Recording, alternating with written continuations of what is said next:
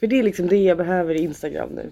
Hur man lägger fram när folk bara happy birthday. Jag bara hur gör de? Ja. Men jag visade ju. Jag vet men jag kommer inte ihåg. Nej, Nej. jag har också nyligen lärt mig. För Men jag jag, lägger ju aldrig upp någonting. Nej. De har filtren som glittrar och Ja. Så nu måste jag också stoppa mig själv till att så här, man kan inte använda samma sak hela tiden. Man måste bara bredda det lite. ja. Jag Ja. är verkligen i baktakt känner jag med det här med Jag älskar också när du sa, ja men ni är ju också yngre än jag. Typ som att Instagram fanns när vi föddes men Ja, inte när du precis. föddes. Men, men Du har ju säkert haft, Instagram längre. jag, jag tror ändå att det finns en, en antydan av generationsskifte mellan mig och er. Jag vet Ja. inte på vilket sätt, men någonstans där tror jag det. Om det är att jag har levt längre på 90-talet och levde, jag har levt längre medvetet Alltså uppenbarligen levt längre på 90-talet. i en, i, nej men jag har levt har längre levt i ett samhälle som 90-talet? inte hade mobiler och datorer. Jag har i och för sig levt hela 90-talet. På 90-talet. jo fast det jag tänker är att det har du ju rätt, det har du ju rätt i såklart. Alltså att vi har använt teknik kanske i yngre ålder än vad du har. Ja. Men du har ju använt teknik längre än vad vi har. Jag tror inte det. För jag bodde i, i, i sidan ett samhälle där man du aldrig Hotmail när använde... du typ 2008. Ja. Så att, mm. Jag tror Inte bara Hotmail utan din första mailadress. min första mailadress.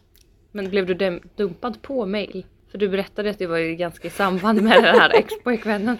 Nej, När ni gjorde så han dumpade inte dig på när du skaffade mail. Han bara åh nu kan jag exakt nu kan jag. göra slut på mail. För det var ju han som gjorde det åt dig också så han Ja. hade en baktanke. Ja, exakt. bara, I'm sorry. Det var Nej. liksom, det här var liksom pre-sms. Ja, nej han, Nej, det var inte eh, så han, som bad mig, Oj. han bad Då var mig. jag 18 liksom. Ja. Han bad mig resa, resa dit. Eh, och jag betalade, pröjsade för den biljetten och sen berättade han det när han, när jag bodde hemma hos honom. Så jag var tvungen liksom att ta mitt pick och pack och gå ut på staden och leta upp någon kompis som jag kunde sova hos resten av veckan. Men jag kommer inte ihåg vad det här, för du Fan. berättade ju det här första gången i samband med berättelsen om när du skaffade din första mailadress. Men jag kommer inte ihåg kopplingen mellan de två. Kristina skulle flytta till Sverige. Jag skulle flytta till Sverige. Ja, det var det. Ja, jag skulle flytta till Sverige och jag behövde en mailadress och lite mm, börja lära mig hur jag skulle använda nätet eftersom jag eh, hade en, nu, min dåvarande kille skulle jag då ha kontakt med såklart flitigt och jag hade ju också en massa vänner i, i staden jag bodde som jag ville fortsätta ha kontakt med. Så att då hjälpte han mig att skapa en sån här hotmail-adress. Och så flyttade jag då till Sverige och så började jag och göra mina brevväxlingar via mail till alla mina vänner. Så. Mm. Mm. Men när skaffade du Facebook då? Eh, I samband med att jag flyttade hem till Sverige tror jag så skaffade jag mig en Facebook. Så samma år som du fick mail? Mm. Ja. Men det var ju ändå Jag tänker, ganska alltså, tidigt. ja, eller? eller jag tänkte, jag skaffade Tidigt, nog men... Facebook 07 och jag var jätte efter alla Mm. andra som hade Är det så? För jag, tycker, för jag vet att jag också var ganska rejält efter. Ja. Men det känns som att jag... Alltså min Absolut. lillebrorsa hade haft Facebook i typ tre år. Men det, då fanns ju fortfarande Playahead som jag också hade. Och Och, bilddagboken. ja, och Lunarstorm. Så att jag använde liksom Det här vet dem. du inte ens vad det Jag är. ingen Jag ser det på din blick. Eller rättare sagt innan jag ens tittade på det så kände jag att din blick var exakt den där. Så. Eller inte Playahead, det hette PA. Jaha nej vi kallade det bara för Playa. Ah, ah. Inte PA. Nej men ni ser ju också Bamba. Det var liksom lu, Lunar och PA. Bamba betyder väl kokain på fulspråk? På vilket fulspråk? På italienska man säger la bamba tror jag. Jag tror att det betyder kokain. Nej, i Göteborg betyder det skolmatsal. Jaha. Jag kommer ihåg när jag var på någon läger med bara så här, göteborgare så bara Kom ska vi, ska vi gå till Bamban och äta? Ska vi gå till Bamban? Nej de sa inte ens ska vi gå till Bamban och äta. De bara kom Nej. vi går till Bamban. Ja, jag, man alltså, går ju kommer till ihåg att jag Bamba. bara, Man går "Vad på med?" Och så Bambarast. sprang alla. Så jag bara vart skulle de nu? På riktigt. Jag bara vart ska ni? De bara men Bamban. Jag bara Inte. Bamban, Nej. Bamba. Jaha Bamba. Bara Bamba. Jag bara vad är det? De bara vi ska gå och äta lunch. Jag bara jaha matsalen. Bamba. Aha. För mig får jag tänka på balle. Alltså i, i, stockholmska dialekten för att säga balkong.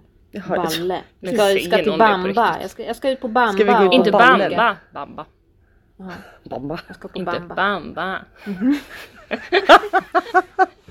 Så efterblivna stockholmare, de säger bamba. bamba, bamba. Okej. bamba. Just det, jag skulle inte sitta sådär. Mm. Jag ska sätta mig så här. Mm. Som en man. Manspreading. Ja det är ändå synd apropå det, apropå manspreading att Paolo Roberto fick ju böter. Ja men. För... eh, För sitt självskadebeteende. Ja, för hans stackars själv. Han behöver vård. Ja. Böter. Behöver terapi. Lilla behöver... Men apropå manspreading Ja. också. Mm. Så tänker jag alltså nu i, när man ska sitta bredvid varandra på tåget och sånt Ja. så är det ju verkligen fritt fram. Mm. Förstå sen när restriktionerna Ja, är men över. ja. Och så har de liksom Vant alla manspreadare vant sig. Alltså Att de kunna var ju få vana. bräsa. Ja det gjorde de ju innan också. Men jag menar bara att nu är det ju fritt spelrum. Mm. Och sitta och manspreada. Ja förstår du då gammal, lära en gammal hund att sitta. Det kommer liksom aldrig dra ihop ben. Nej, Nej, man får liksom snöra ihop dem med snöre. Får, vilka de? Benen eller Benen. det emellan? Det får snöra upp. Det passar oh, jätteopassande. Så, Okej. Det är verkligen så roligt. Jag skrattar för att jag hör mitt eget skratt. Och så hör jag tisen. Och så Jo men jag det är liksom verkligen, Inte. det har blivit en sån här Pavlovs hundar grej. När man hör Emmas skratt så tänker jag verkligen på våran teaser varje gång. Hoppas Jag har aldrig reflekterat så mycket över ditt skratt Nej. innan. Men du har ett fint skratt. Mm, tack. Ja det var Jag har uppmärksammats med vår teaser. Exakt. Jag hoppas att Mm. fler Jag har fått- associerar mitt skratt Jag har fått till jättemycket teaser. eh, feedback om det, att Emma har så härligt skratt. Mm. Oj, ja. Mm. Det är bara jag som Glatt skrattar. skratt. Va- ett värmande skratt. Ja, Det kanske hur- behövs. Absolut. Okej. Nu nog om dig. Ja. nog om ditt skratt. Hur mår du, hur mår du idag Kristina? Nej men jag, är, jag mår bra. Jag är pepp inför eh, dagens podd. Mm. Och jag är glad över att få vara här tillsammans med er. Mm. Och du då Emma? Du, du säger alltid så fina filosofiska saker. Jag hade bara tänkt så här, nej men jag mår jättebra. För jag gör det. Jag har en hosta som inte vill försvinna. Men, Så är det man har småbarn. Du har också med största sannolikhet antikroppar. exakt. Jag har i alla fall haft corona. Ja, med eller utan antikroppar. Precis, så är det ju. För eh, För att Johan har, Johan AK, Mm. antikroppar som han nu kallar sig själv. Har det. Och hans kompis hade också fått antikroppar nu så att nu kan de bonda ihop. Okej. kan ni sluta viska? För att det kommer Förlåt. bli jättedåligt. Ja. Hur mår du då Rebecka? Jag mår bra. Mm. Det är sista arbetsdagen imorgon innan jul. För jag ska faktiskt inte jobba jul, vilket jag nog har gjort. I alla fall någon av juldagarna har jag nog jobbat varje år. Eh, sen jag började på den här arbetsplatsen i alla fall. Eller åtminstone att jag har jobbat eh, en del av antingen eller både jul och nyår. Nu ska jag vara ledig både och.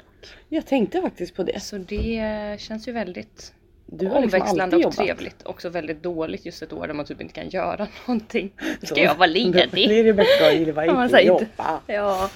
Men eh, det ska ändå bli skönt faktiskt. Det, Och mm. Till skillnad från mig och Kristina då som ska Ja. jobba hela julen. Ja. Det stämmer. Men det blir trevligt att ha varandra. Har varandra. Vi kommer att finnas där för våra patienter. för varandra tror jag jag skulle säga. Det också. För varandra och för våra patienter. Idag har vi fått, jag och Kristina har fått varsin julklapp av Emma. Med varsin kopp. Med våran logga och våran poddbild på. Och den är så fin, eller de är så fina. Och jag har invigt den med lakritste som jag älskar. Och den lukten tycker ni luktar jätteilla. ja. Men Fast jag tycker inte att det luktar så my- mycket faktiskt. Jag känner inte den så mycket heller faktiskt. Eh, annars tycker jag lakrits brukar lukta väldigt mycket. Alltså typ när folk äter lakritsgodis och sådär. Lakrits. Lakrits, tycker jag ja. lakrits är väldigt Ja. gott. Jag tycker absolut inte att lakrits är gott. Det är nog det enda av saker jag faktiskt har smakat på som jag vet som jag verkligen inte, alltså typ mår illa av smaken. Ja, så nej. äckligt tycker jag att det är. Exakt, jag tycker också att det. Du vet när folk Lukten och smaken. tar lösgodis.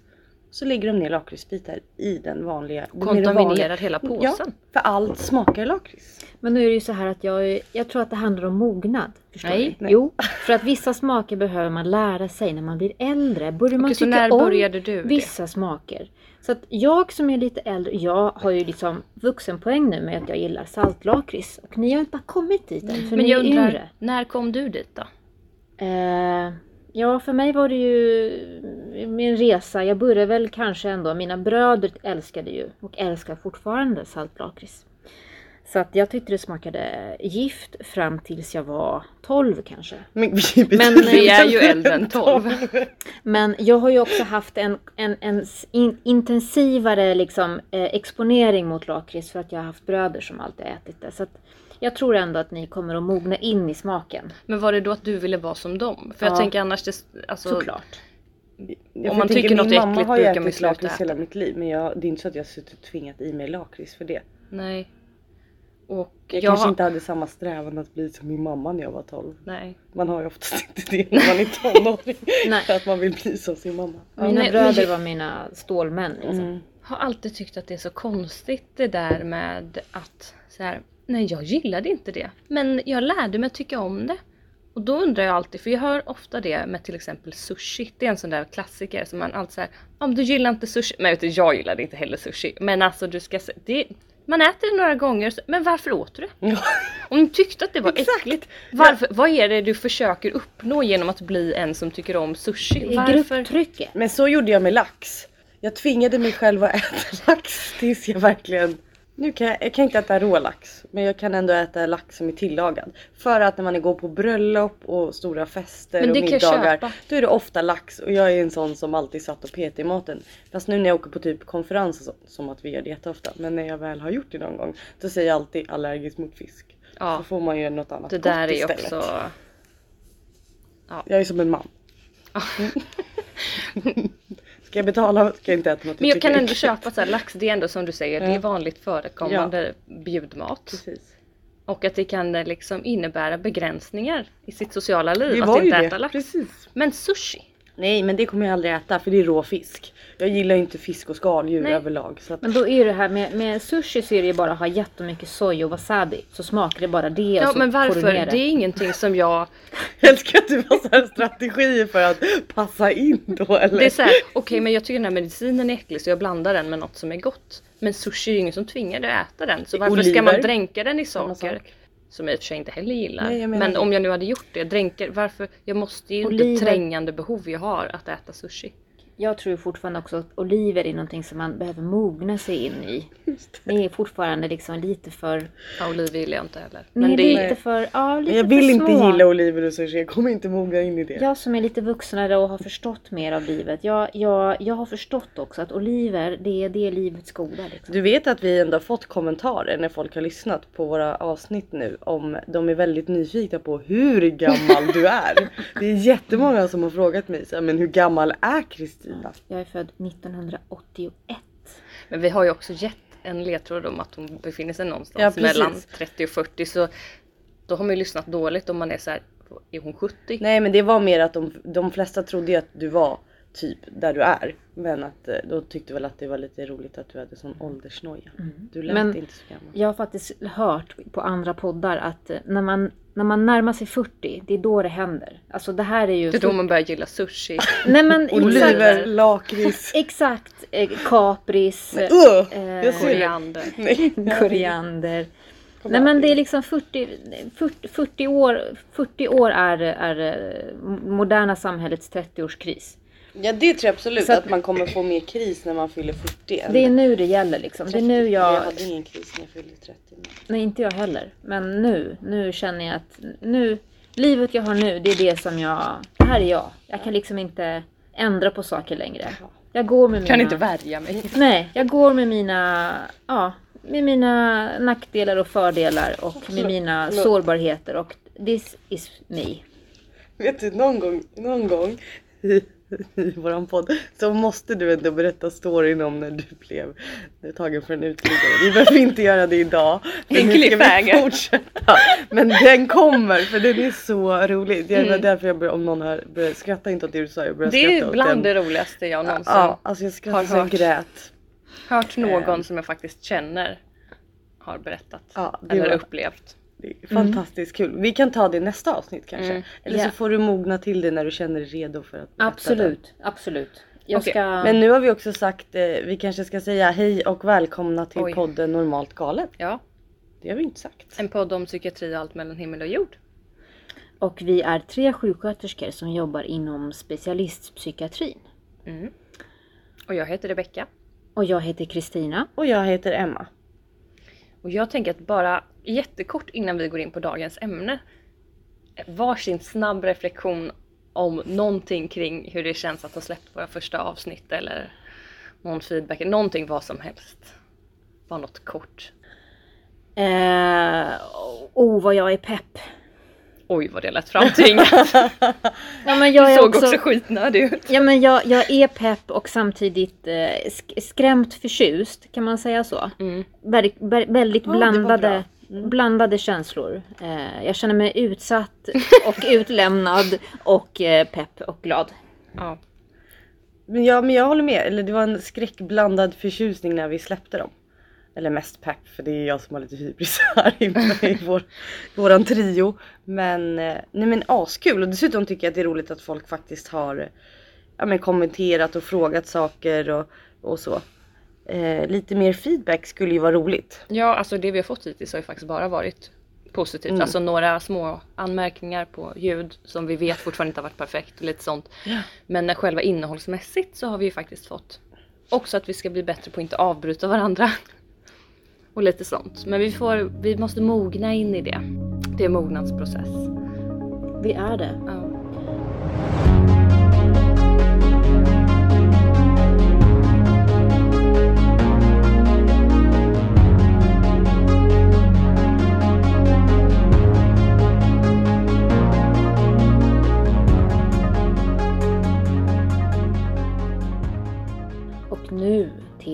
Dagens ämne. Mm.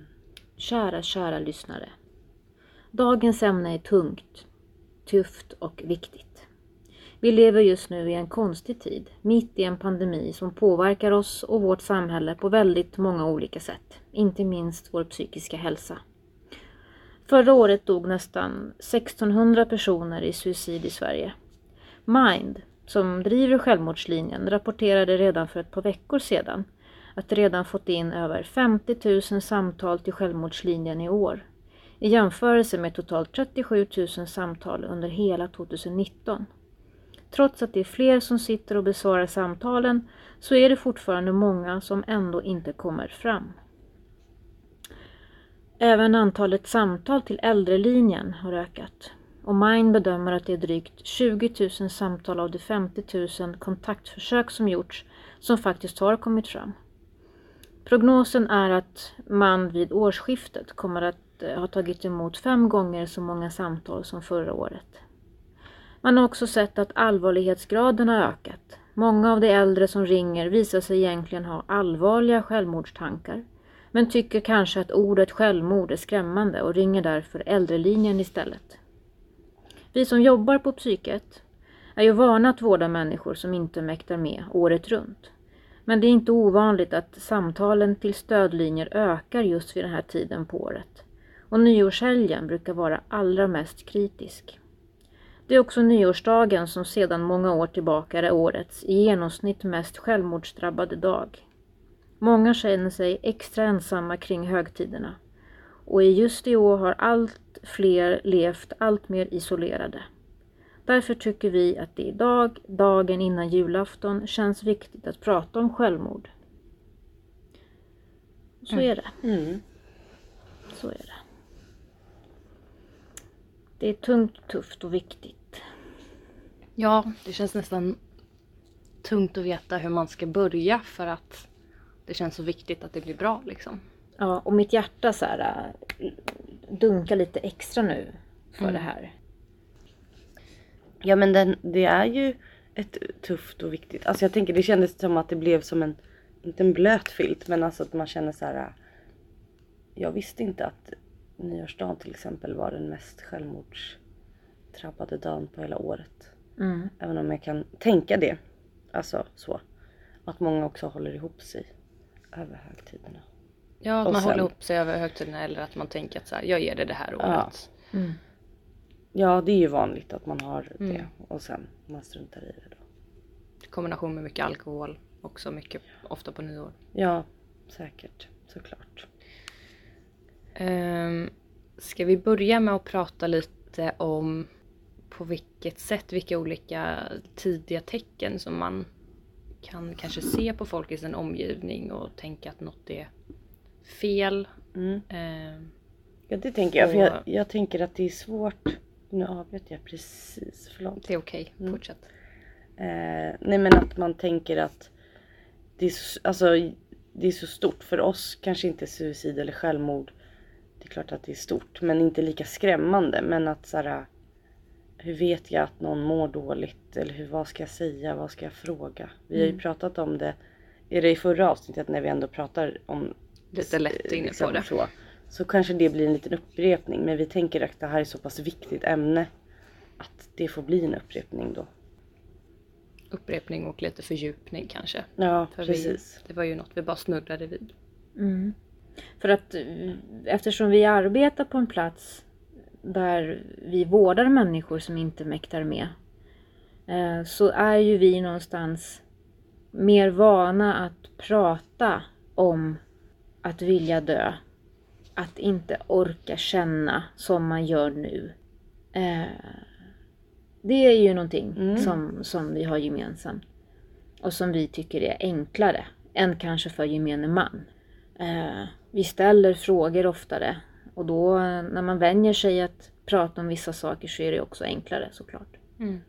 Sen är ju varje självmord en fruktansvärd sorg för oss men såklart för anhöriga och för personen själv som inte som trodde att, och kände just då att det var den absolut enda, enda lösningen som fanns. Mm. Och någonstans där så, eh, när en människa mår så pass dåligt så känner den ju någonstans där att den gör alla en tjänst om den försvinner. Och det är så fel. Det är ju så osant. Och vi finns ju där och vill lyssna. Vad tänker du på först då? Eller först och först, men om du skulle liksom ge, eller ja, det är väl lite det vi gör nu. Lite tips eller liksom, ehm, vad man nu ska kalla det, till någon som lyssnar som kanske har någon runt omkring sig som man misstänker inte mår bra. Ehm, hur, vilket, hur, hur det liksom kan yttra sig att någon mår så dåligt att den faktiskt kanske Funderar. på funderar på om den ens orkar fortsätta leva. Mm. Ehm, och just det där, ja, jag vill bara säga det först för jag kommer säkert att glömma bort det sen. Ehm, det här med att vilja dö. Att just den grejen är nog någonting viktigt att ehm, att tänka på hur man, man, man kan inte alltid, man får försöka vara försiktig med sina ord men framförallt att man vet i alla fall tankarna bakom. Och jag vill bara säga det där innan att om det är så att vi under den här podden, eh, under det här avsnittet råkar säga att man vill dö exempelvis mm. eller att man, om vi har misstag, vi ska försöka låta bli, men råkar använda uttrycket att man till exempel väljer att ta sitt liv så vill jag lägga in redan nu en liten brasklapp. ehm, om att man aldrig väljer att ta sitt liv utan man är offer för det eh, den liksom situationen, det lidandet och det, den liksom själsliga plågan som man befinner sig i.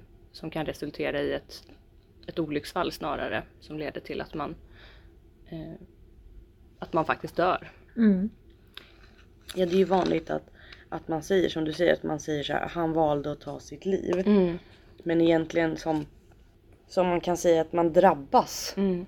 Av ett självmord. Ja. Alltså att den personen drabbas av det. Mm. Just för att man är som du säger Kristina att när man är så pass Alltså när man mår så pass dåligt så drabbas man ju av den, de här tankarna att det enda lösningen på alla de här problemen och att alla människor skulle ha det bättre. Mm. Utan att jag var här för att jag förstör eller jag ställer till det och vad det nu kan vara. Och att man då tar sitt liv och att man då inte väljer att ta sitt liv utan att man drabbas Mm. av självmord. Och också att det inte handlar om att man vill dö, för ingen människa vill dö. Nej. Alla människor vill leva, men att man inte orkar leva på det sättet som ens liv är. Just här just och nu. här och nu av olika skäl och att man kanske inte tror på, inte kan se hur det någonsin skulle kunna bli annorlunda eller skulle kunna lösa sig. Vilket gör att man inte orkar leva. Snarare än att det handlar om att man vill, vill dö. Ja, ja för om man tar bort då, som du sa det innan vi spelade in det här med att du hade pratat med en patient om, om de problemen men om man då kunde ta bort, vi hypotetiskt säger att de här problemen finns inte. Om man föreställer sig Ja. att... Skulle du fortfarande vilja dö? Och personen svarade nej. Mm. Så då vill man egentligen inte dö men man vill bara inte leva i den situationen man lever. Och det är lätt att förväxla. Ja, Men väldigt viktigt ändå att vara medveten om skillnaden. precis. Så det var bara en brasklapp jag vill Mm, lägga in. Men det var bra. Absolut. Då kan vi återgå till det jag egentligen ställde frågan från början. Eh, Tidiga tecken. tidiga tecken. Vad kan man tänka på om man ser någon i Ja. sin närhet må dåligt? Och vad kan vara tecken på att faktiskt någon börjar må så dåligt att den kanske inte kommer att orka leva vidare? Eller funderar på det. Vet ni vad det första jag tänker på? Nej. Det är att min erfarenhet eh, inom psykiatrisk vård så har jag märkt att människor som har just då sjuka känslor och sjuka tankar till exempel eh, som då psykisk ohälsa kan, kan förklaras som en, en av flera sätt eh, är lättirritabla och lite taggiga i kontakten. Alltså kanske kan uppfattas som en anhörig eller som en granne som otrevlig. Eh, Och då, ja, och då tänker jag... otrevlig, otrevlig och, och som att, nästan som att man har lite Avvisande liksom. avvisande. Avvisande och, och, och ja, avvisande. Att otrevlig, vad kan, ett exempel på att vara otrevlig. Att man inte uppskattar om man säger något trevligt. Otacksam, precis. Otacksam. Om man, man kanske kommer med en komplimang eller kommer med någonting som man tycker är fint att säga till Erbjuder den här hjälp personen av något slag. erbjuder hjälp och eh, personen säger ifrån. Nej, jag vill inte ha någon hjälp. Mm. Eller lägg av med det där. Eller Klara mig själv. klara mig själv och lite bitter. Mm. Låt mig vara, jag mår bra. Låt mig vara. Det är det första jag kommer på. Mm. Och, och, och som anhörig eller som granne till exempel. Om, om du träffar den här personen ofta eller träffar den eh, i trappen eller träffar den ofta för att den tillhör ditt, ja, ni träffas hemma. Så kan man ju faktiskt stå kvar och fråga hur är det? För att ibland kan det här, har jag upplevt att det här avvisande känslan eller avvisande av, snarare står för att man behöver stå där lite, lite extra och fråga lite extra Mm. och stå kvar. För att egentligen så kanske inte personen vill avvisa dig utan vill snarare tycker inte om sig själv. Liksom. Men jag håller med, det var nog bland det första jag tänkte också. Mm. Att man, och då är det ju också om man kanske då, som du säger, att man har den personen i sitt sociala nätverk på något sätt, mått sätt så att man ändå märker skillnaden. Mm. Alltså i att man kan bli rätt lätt irritabel och arg. Också att man kan bli arg för smågrejer. Man har inte tålamodet som man har haft för att man mår, man mår sämre. Man har liksom inga reserver på samma sätt. Nej exakt, att man snappar eller tappar det Mm. snabbare. Men också att man kanske, ja, nu, är det ju, nu är det ju en pandemi så att nu liksom restriktionerna gör att vi inte ska göra så mycket. Men det är ju också en, en, ett varningstecken tänker jag att man drar sig undan och inte vill vara med även om man blir inbjuden. Att man hela tiden tackar nej. Sen kan det ju absolut vara att man tackar nej från och till liksom familjepusslet eller vad man ska säga. Men om man kontinuerligt gör det och har varit en person som ändå alltid har försökt följt med och så märker man att den här personen kommer inte längre, vill inte vara med. Eller kommer men sitter tyst. Säger inte så mycket. eh, Går hem tidigt. Det ändå blir ett mönster av beteende som avviker Exakt, från hur det har precis. varit tidigare. Och även om man då frågar sig hur mår du så brukar de flesta säga jag mår bra. För att man är inte där än heller att man kanske vill prata om det. Eller inte förstår själv. Så kan det också vara att många inte riktigt förstår att de mår, är på väg att må dåligt. Ja, det har vi pratat om förr. Tror jag. Vet inte, det kanske vi har gjort i något försnack eller så har vi sagt det. Eh, att depression till exempel är någonting som smyger sig på. Det är inte så att man från en dag till en annan blir deprimerad och säger Gud vad jag mår dåligt idag jämfört med igår. Det är någonting som har hänt. Jag mår inte bra. Det är någonting som är konstigt. Utan det smyger sig på. Och jag kan ju tänka mig nu under pandemin där du får hela tiden nyheter som, som är tuffa. Eh, och dessutom på det kanske mister jobbet för att det blir problem. Eh, du, det blir problem. Du, du, du varslas eller mister bara jobbet av andra anledningar. Och Och så kanske den här känslan av att du inte är tillräcklig väcks och, du, den, och flera tecken utifrån eh, bekräftar den känslan av att du inte är värd. Du har ju till och med mist jobbet och du har ju till och med glömt bort att tacka för den där fina presenten du fick och du har ju inte köpt presenter i år som du hade lovat. Och ungefär så, eller? Mm. Att det smyger sig på och till slut så befinner man sig bara i att man tycker att man inte är... Man tycker man är skitvärd. Att man inte är värd att ha Ja, det bra. just när det kommer till depression så är det ju många gånger så att, för det finns ju, det är ju absolut inte så att alla som tar livet av sig att alla som tar livet av sig måste vara deprimerade. Det finns ju andra skäl som kan leda till att man eh, begår självmord. Men just när man är deprimerad så är det ju, det är ju inte heller så att ehm, att det alltid är så att man är så deprimerad på grund av att man har varit med om så mycket svåra saker. Eller liksom ovanligt svåra saker eller sådär som inte, som inte de flesta människor kan relatera till. Utan att det är händelse, ett händelseförlopp sådär som du beskriver. Det ena leder till det andra, leder till en liksom, eh, själva depressionen i sig också i kombination med andra händelser. Eh, försvagar liksom självkänslan och så vidare. Eh, och sen är det där igång. Och då är det ju också en ännu större risk att du när du, om du kanske är en person då som själv egentligen upplever att du inte har något så att säga rättfärdigt skäl att må dåligt. Så är ju det någonting som ytterligare förvärrar då liksom. Att man tycker att så här, men vad fan, jag, jag, det här, jag, jag är ju bara självisk och otacksam liksom. Vad fan mår jag dåligt över? Och jag har ju liksom, ja men jag kanske har familj och jag kanske har barn och jag kanske det ena med det andra. Eh, Så det är ju inte, det är ju också en sådär kanske föreställning av att det är en viss typ av person som tar livet av sig. Eh, Eller det är liksom framförallt ensamma människor som tar livet av sig även om det absolut är en riskfaktor att, att uppleva att man eh, lever i utanförskap eller att man är ensam. Men det är ju långt ifrån så att det är exklusivt på det sättet liksom. Sen när man mår väldigt, när man inte mäktar med så känner man sig ensam. Oavsett hur många vänner man har omkring sig och Så är det. hur mycket nätverk man har så känner man sig extremt ensam. Men jag tror att det var bra, det var ändå bra sagt. För jag tror att det är en föreställning många har.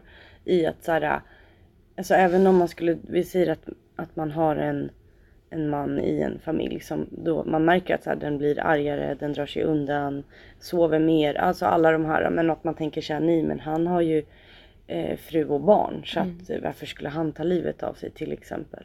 Eh, jag tror att många tänker så att så här, nej, men han, han har ju folk runt omkring sig. Sen är det som sagt, det är absolut en skyddande faktor men det är ju faktiskt så att folk med familjer också. Ja, för att även om man på, på en liksom generell eller sådär strukturell nivå kan generalisera kring eh, riskfaktorer eller liksom en typ person då som är, är vanligare förekommande liksom drag hos en person som, eller drag och drag, men hos en person som har tagit livet av sig så är det ju Alltså på den individuella nivån så är det ändå så pass stora variationer att det egentligen går inte att säga att det finns ett mönster Nej. på det sättet. Förutom det att, att män är väldigt, väldigt Överrepresenterade. överrepresenterade i självmordsstatistiken. Då. Men det, var, det jag skulle säga, eller en annan sak som jag skulle säga, var att det är väldigt klurigt när man pratar om tidiga tecken, när man ska prata om specifika liksom, symptom eller vad man ska kalla det, just för att de kan skilja sig åt så väldigt mycket. Alltså vissa saker är ju sånt som man kanske typiskt sett tänker på någon som inte mår så bra.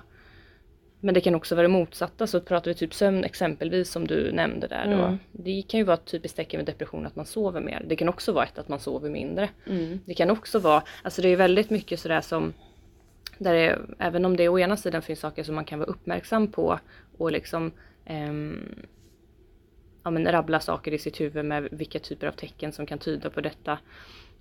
Så är det ju någonstans ändå något slags, ja men just det här som avviker ifrån hur en person har varit tidigare. Det måste ju inte alltid vara klassiska tecken på den, den typen man tänker sig som ser ut att må dåligt eller som verkar må dåligt. Ehm, och det är också viktigt att komma ihåg och jag tänker framförallt också för folk som kanske känner någon i sin närhet som har tagit livet av sig. Eh, en vän eller en anhörig eller sådär och som känner skuld inför att så men jag, hur kunde jag inte se någonting? Mm. Att det är också viktigt att komma ihåg att även om vi pratar om tidiga tecken och att det finns saker som man kan vara uppmärksam på så är det också ingen skuld i om man faktiskt inte såg. För att ibland så är det jättesvårt. Mm. Ja. Men det smyger sig på. Ja. Små saker i vardagen och helt plötsligt så befinner man sig där. Mm. Eh, både anhörig och personen som ja. går så bort.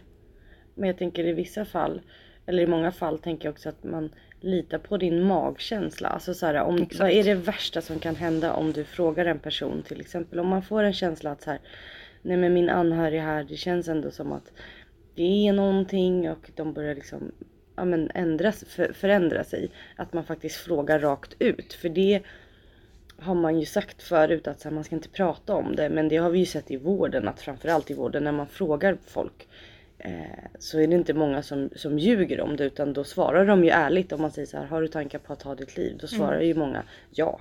Eh, har du planer på att ta ditt liv? Ja. Vill du berätta? Där kan det ibland bli så här, nej jag vill inte berätta hur jag tänker göra. Alltså, men de svarar ändå ärligt på frågorna och det är samma sak att man, om man blir orolig för en anhörig eller men fråga då. Så här, nu, jag är orolig för att du ändå har, går i tankarna på att du tänker att ditt liv inte är värt att leva. Är det så? Om den personen säger nej, även om det kanske är så, så har du ändå, så har man sått ett frö i att så här, jag ser ändå det eh, bara så att du vet. Mm. Jag ser ditt Eh, lidande. Ja, alltså, exakt. Eller så är det någon som faktiskt bara väntar på att någon ska fråga. Att man säger jag kommer inte berätta själv utan då får någon ta reda på det. Och det är inte så jäkla lätt som du säger. Man ska ju inte bära skuld om man inte gör det. Men, men många gånger när man har pratat med folk så här, eller någon anhörig eller något. Då har de ju ofta sagt så här. Eh, antingen så är det folk som bara vi hade ingen aning eller så är det någon som bara ja, det var en gång då fick jag en magkänsla men jag vågade inte fråga. Eh, så, för att jag har ju hört att om man frågar så får de tankar på att de kanske skulle göra det. Ungefär som att det är en idé som aldrig har slagit än. Exakt. Man har aldrig hört talas om folk som tar livet av sig. Nej Nu exakt precis. gav du en. Nu kommer en jag idé. berätta här. Shit det var mitt fel. Ja väck inte den björn som sover brukar man säga. Men det var det är en psykiatriker som sa den björnen är redan väckt för länge sedan Mm. med att man har fått de tankarna. Så det är aldrig någon annan som väcker, väcker björnen på det sättet eller tankarna. Jag tänker för just det som du säger det här med vad är det värsta som kan hända? Och då tänker man väl kanske att det värsta som kan hända är att personen blir upprörd. Mm. Eh, personen blir kränkt. Personen blir ledsen. Personen blir, ja men alla de här sakerna då. Förutom att man då eventuellt kanske är rädd att oj, nu ger jag personen idén att den Ja. kanske ska ta livet av Ja. sig. Men om vi bortser från den. Som alltså inte är sann. Ja men jo, jo, men det kan ju fortfarande vara sånt som folk är rädda för. Som gör att de drar sig för att fråga. Mm. Ehm, och då... Ja men vad är, vad är det värsta som kan hända? Är någonting av det här värre än att överväga risken att personen bara väntar på att någon ska fråga och att någon ska visa att den bryr sig och att någon ska liksom eh, och eventuellt känna att det inte är någon som gör det fast det kanske inte stämmer. Exakt, det är ju tecken på omsorg om man frågar. Precis. Och det är någonting som, även om man kanske får den reaktionen i stunden, så kan jag nästan garantera att det kommer inte hålla i sig. Om, man, alltså, om, personen bemöter den här Jaha, frågan nej, med precis. att bli upprörd eller liksom kränkt eller sådär. Och att det är en risk som alltid är värd att ta. Att, att lyssna just Mm. på sin magkänsla i, i det där. Och det är ju samma sak som även om det inte är en anhörig. Jag tänker att så här, Ja men om man står på tunnelbanan och ser någon vanka fram. Nu menar inte jag att alla som vankar fram och tillbaka på perrongen har sådana tankar. Men ibland. Eh, jag var med om en tjej som, som nu jobbar jag i psykiatrin men som man kände direkt så här, det där är inte bara gå och vänta på tåget vänta utan att hon gick ju verkligen och liksom det såg, såg ut som hon gick och laddade typ. Eh, så. Och sen så var det, var det eh, en som gick fram till henne och då blev hon jättearg. Eh, men då visade det sig att hon faktiskt tänkte hoppa så sen fick folk liksom hålla fast och ringa väktare. Men då tänker jag ibland så här, den personen, tänk om de inte hade gått fram. För det är ju så också, det kan ju vara många som tänker så här, om nu ska jag gå och ta livet av mig, men om någon säger hej på vägen, då gör jag det inte. Alltså för det är ju de, som Rebecca sagt, man vill ju inte egentligen, man vill ju egentligen leva. Utan liksom att det, och då tänker man att det är de yttre omständigheterna som får bestämma Om Ja. jag ska hoppa från bron eller inte. Att så här, tänker jag.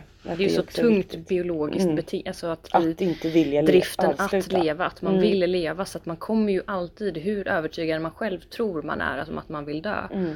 Så fortsätter man ju alltid att leta efter anledningar att fortsätta leva. Eller att, anledningar till att jag kanske inte måste dö riktigt än. Fast man inte riktigt erkänner det för sig själv Nej, alltid. precis. För det har man ju varit med om Mm. många gånger. Och jag tänker att det är en av anledningarna till att kvinnor oftare eh, när de ska ta sitt liv, de använder ju oftare tabletter och alkohol medan män är lite mera, det sa vi, pratade vi om förra avsnittet, men att de är mera impulsiva och använder aggressivare metoder. Och att eh, kvinnor då hinner ringa på hjälp innan de dör. Medan män, det, där hinner man inte ringa för de, de använder sådana metoder där de inte kan, de har inte det tidsspannet. Eller vad man ska säga. Då tänker jag också att om du står på perrongen och du ser människor eller en, person som du får magkänslan av att den här personen inte verkar må så bra. Men du själv inte riktigt vågar gå fram. Eh, ring alltid till trygghetsvakten eller ring alltid till någon. Tänk aldrig att det är någon annan som gör det. Utan Nej, gå upp till spärrvakten. gå upp till spärrvakten, eh, ta upp det med någon, gå till någon och ta, ta ditt eh, ansvar som, som medmänniska. Ja, jag tänker lite samma som ehm, har egentligen inget med det här att göra men med typ orosanmälningar när det kommer till barn. Mm. Där brukar man ju alltid säga, vi som liksom får utbildning i det och sådär att ehm, när det är liksom om man är i valet och kvalet, är, min oro tillräcklig? Eh, borde jag liksom göra det nu? Är det, överdriver jag? Är jag? Och då brukar man liksom få lära sig sådär att bara tanken att du har övervägt det är oro nog. Mm. Och jag tänker att det är lite för att risken att du har fel är den är liksom inte lika viktig som risken att du har rätt men inte gör någonting. Och då tänker jag lite samma sak här att har du fått en magkänsla, jag tror att det är, generellt väldigt ovanligt att människor går runt och tittar på folk i sin närhet och har magkänsla av att säga, undrar om han är på väg att skada Nej, sig, precis. undrar om hon, undrar om där är någon som, jag tror att det är ganska ovanligt så att jag känner bara så här spontant, det är ju inget jag kan veta såklart, det är bara min känsla. Att får man sådana tankar, känslor överväger så är det nog värt att gå på den. För att eh, det är klart att det finns, det är ju inte omöjligt att du har fel men, men eh, det är ganska troligt att du har rätt faktiskt. För sådana känslor får man inte så ofta och inte så lättvindigt. Nej, Ehm. precis. Det var en bra Så liknelse. det är ändå en tumregel tänker jag. Mm. Det var det, verkligen. Och prata, prata, prata. Mm. Alltså som, som, men som du sa Kristina, att det första tidiga tecken kan ju ofta vara att folk tackar nej till, till, till, till hjälp eller att och det behöver inte vara vill du prata, det kan ju vara andra saker också. Men de tackar nej, de vill inte ses, man är arg och sur. Men att man kanske inte man kanske inte som anhörig då struntar i det. Alltså lämna personen absolut några timmar liksom. Men skicka ett sms då. Idag har vi så många sätt att kommunicera. Mm. Okej men om du ångrar dig så finns jag här, jag bryr mig om dig. Alltså sådana saker, det hjälper ju oftast även om personen inte kan ta, sig, ta till sig det när, de, när man mår så pass dåligt som man gör. För det är ju det, då är man ju i den här svarta bubblan som man liksom inte kan man, man får liksom, vad heter det, skygglappar. Mm. Att man ser inte vad alla andra utan man ser bara sitt egna fel. Men att man vågar, eller hela tiden fortsätter. Även om du inte svarar idag, jag ringer imorgon igen. Eller okej men då hör jag av mig imorgon igen. Att vara lite ihärdig. Ja, att vara en jobbig jävel. Mm. Ofta, alltså helt ärligt att sådär. Ja visa precis, var hellre en jobbig jävel Ja. än riskera att Då personen... får väl du bli arg på mig då. Jag kommer Exakt. ändå ringa dig imorgon. Ja. Ja, Liksom. ja, verkligen. Våga stå kvar och våga vara lite ihärdig. Mm. Och våga fråga de sakerna rakt, rakt ut. Det tror jag är, är liksom egentligen är, om man nu vill ha något konkret tips då skulle jag ge det. Alltså om man då har en magkänsla, fråga rakt ut. Har du tankar på att ta ditt liv? Mm. Nu lät det så precis som jag säger jobbet. Det, man behöver liksom, man kan Mm. Ja just det, det, det var en sak. Det var en sak jag tänkte på tal om det du sa att Eh, eller det du sa som att du bara sagt en sak. Ja. Men det du sa om det här med att det är ovanligt att folk ljuger. Och då tänker jag att jag tror absolut att folk är mer benägna att ljuga när det kommer till folk i sin närhet Mm. än vad de är att ljuga för vårdpersonal. Säkert. Jag tror absolut att det är större att man är mer benägen att ljuga när ens bästa kompis eller ens mamma frågar en om man inte vill leva längre. Man vill inte Göra dem oroliga. Exakt, man vill absolut inte göra dem oroliga. Man vill Nej, inte inte vara till besvär. så, så, så är det. Men det betyder fortfarande någonting att fråga just det här som vi nu har tjatat om här en stund. Att man visar att man ser. För att även om personen ljuger för dig och du kanske inte får ett rakt svar och en bekräftelse så kommer du fortfarande ge till personen att du har uppmärksammat, tänkt tanken och att så här, det, här, det här är inget du smyger med liksom. Att du mår så här dåligt utan jag är här. Ska vi prata om lite om äldre Ja. Och jul. och jul Och ensamhet. och ensamhet? Ja men det, det var Eh, sagt det. Ja, jag har gått in på Socialstyrelsen eh, och läst att det finns en högre förekomst av psykisk ohälsa bland de som är 65 eller äldre som har insatser. Och då tänker jag hemtjänst eller alla form, andra former av stöd i jämförelse med personer som inte har insatser. Undrar varför det är så? Alltså du menar att... Att det är fler äldre med psykisk ohälsa som har insatser än de... Det är en högre, förekomst av psykisk ohälsa bland de som är äldre, 65 eller äldre som har insatser. I och för sig, fast då tänker jag att det har väl antagligen inte med insatsen att göra utan det har väl att göra med att de generellt är i sämre skick. Och då det kanske också är mer, går hand i hand med att ha ett sämre psykiskt skick. Ju mer du tacklar av, du kanske har mer fysiska begränsningar, du kan inte göra vad du gjorde förut och sådär. Jag tror att det är rätt komplext. Jag tror att det kan ha med psykosocial sårbarhet Ja, men eh, exakt. och ehm, Exakt. Men jag, det var bara att min spontana var såhär, undrar varför det är så? Lät som Mm. att... Ja, jag förstod ju sekunden efter att det inte är så att hemtjänsten går hem och psykiskt misshandlar de gamla. nej. Utan att det var, ja. Ursäkta, det var ju inget att skratta åt. Jag skrattar åt mig själv. Gå vid, förlåt, gå vidare. Eh, och eh, sen har jag också läst att antalet säkra suicid för gruppen män 65 år och äldre var cirka 23 per 100 000 invånare. Eh, för män mellan 18 och 64 år så var samma siffra cirka 19. Eh, och för kvinnor 65 år och äldre låg siffran på drygt 9 jämfört med nära 9 för kvinnor mellan 20 och 64. Vad var den på? Var det 23? Ja, Det är rätt stor skillnad alltså. Så att grupp, ja, äldre män, män som är äldre än 65, det är de som oftare tar, inte vill, utan tar sitt liv. Det mister livet eh, genom att de har gjort det själva. ja, Ja. När man ska vara så PK att det Jag blir komplicerat. snurra in sig. Jag bara, jag vet när man ville, de valde. Nej jag menar, ja. de, de drabbades. Och sen så bara, ja, ja, det är så svårt. Jag Jag inte svett under orka- armarna för att man orkade måste mer välja rätt. Ja, det är så.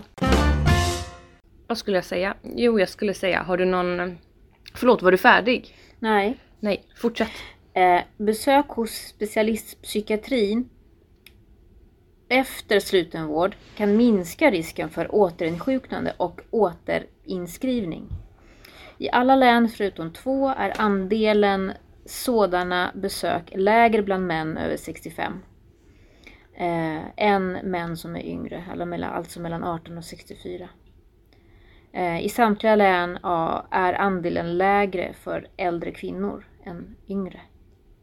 Så att äldre män söker inte, söker inte vård. Helt enkelt. Söker min, i mindre omfattning vård. För eh, psykiska besvär helt enkelt. Eh, och hur ska vi göra där? De äldre har ju under den här pandemins gång, de, de har ju behövt ta den stora smällen. De har behövt ta nästan, nästan till mer ansvar, verkar det som, för jag, kan jag säga så, än, än resten av samhället. Eh, de har isolerat sig hemma. Så att de har verkligen behövt kämpa det här året. Ja, och jag tänker att framförallt nu också här i juletid så är ju det är ju en typisk sån där tid som även kanske familjer där man inte träffas jätteofta och jättemycket och har någon eh, sådär väldigt regelbunden kontakt eh, att man faktiskt brukar samlas just vid jul. Mm. Och att det blir en väldigt tydlig markör på något sätt för hur isolerad man faktiskt har markör, men eh, det blir, man, det blir väldigt tydligt uppenbart på något sätt att nu har det gått nästan ett helt år och vi är framme här vid jul. Och man har kanske eh, ska vara ensam plötsligt för första julafton i hela sitt liv.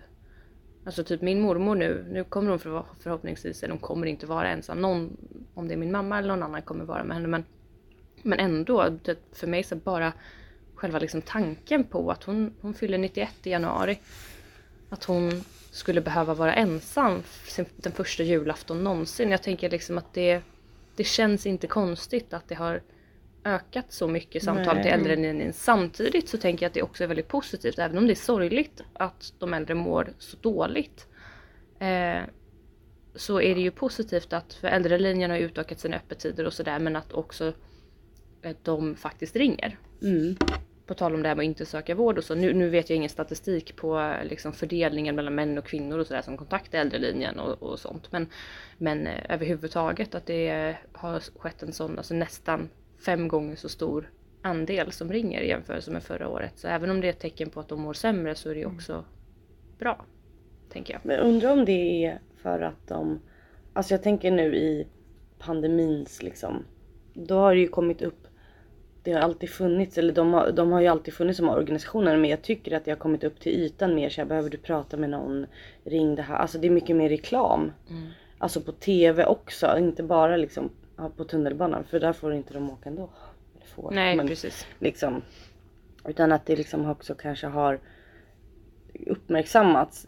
Alltså även om det... Att det är information du inte behöver leta efter Nej, själv precis. utan att du kan råka ramla på Exakt. den och utnyttja den och ha nytta av det. Liksom. Ja och att det liksom har kommit, det har kommit uppsving i att man kanske ändå pratar om psykisk ohälsa. Sen att det tyvärr kom en pandemi som gjorde att man började prata mer om det. Men liksom jag tänker äldre tittar ju mycket på TV men lyssnar också mycket på radio, ja. tänker jag spontant. Mm. Nu vet inte jag hur mycket Sveriges Radio och Television har lagt ner liksom för att nå ut, men jag förväntar mig att de har gjort stora insatser för att kunna nå ut till äldre på sådana typer av kanaler. Jag vet ju själv mina föräldrar, jo min far han, går väl, han använder väl sig av datorer kanske mer än vad min mamma gör. Men de har ändrat väldigt liten nu, alltså omfattning om hur de använder nätet och hur de ska gå in och ta till sig information. Mm.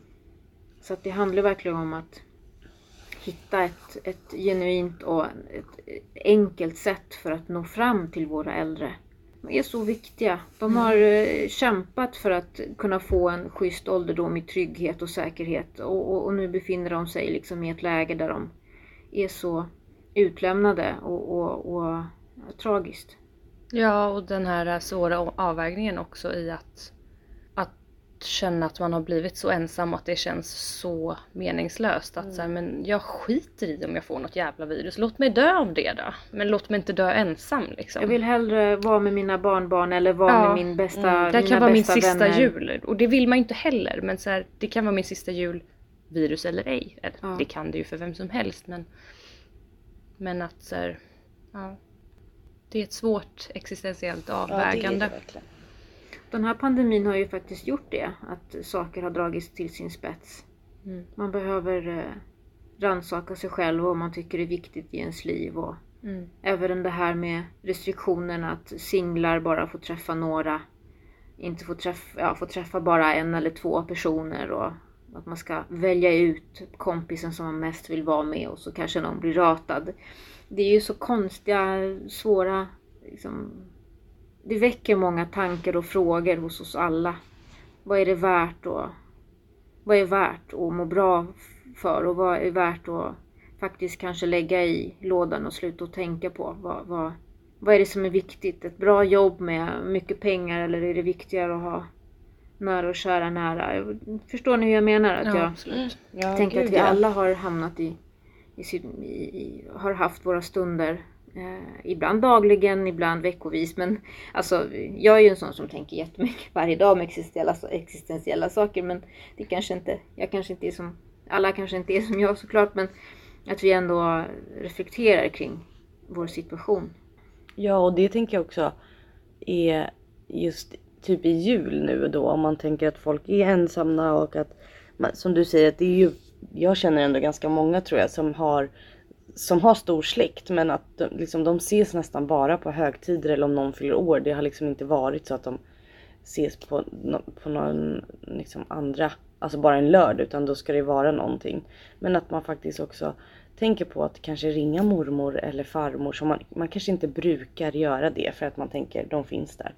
Men att i, i år kanske det är extra viktigt att ringa någon också så, som man vet brukar sitta själv, som, som också brukar kanske inte ha något problem med det. Men att den här personen har kanske också tillbringat hela året själv istället. Alltså man har inte kunnat haft samma sociala liv vilket gör att man mår ännu sämre. Ja, skicka vykort. Ja, men, Jättemånga ja, vykort. Skicka vykort, säg hej till tanten i trappan. Mm. Eh, fråga om de vill ha hjälp med något även om man inte kan gå in. Liksom. Men sådana små grejer också. Jag tror att det, för det är också sådana små saker som Jo men man kanske, kan ju fortfarande gå dit med en påse bullar. Exakt, liksom. alltså Eller sår ett kan... frö i att de inte känner sig, alltså om man nu tänker att folk börjar känna sig värdelösa och det, det är sådana känslor som oftast, eller oftast, men växer och att man känner att problemen är så många så att jag vill inte leva. Och då tänker jag att om man då börjar lite smått, bara hälsa på grannen som man vet kanske är lite äldre. Eh, Sådana saker ger ju väldigt mycket.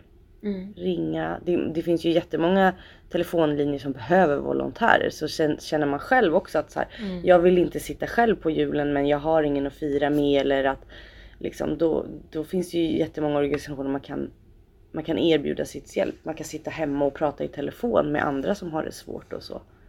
Eller som bara vill ha någon att prata med. Ja precis, att det finns, såna, det finns ju sådana vägar att gå. Och just det här med att ringa är ju, eh, för att jag tycker vykort är en jättebra grej. Mm. Framförallt när det kommer till äldre för det är ju liksom, den traditionen har ju lite dött ut med våran generation. Med, 90-talist, med er 90-talister. Mm, Ursäkta, våran, den här sidan av bordet, våran generation. Den har väl eh, inte helt dött ut men jag skulle påstå ändå nästintill.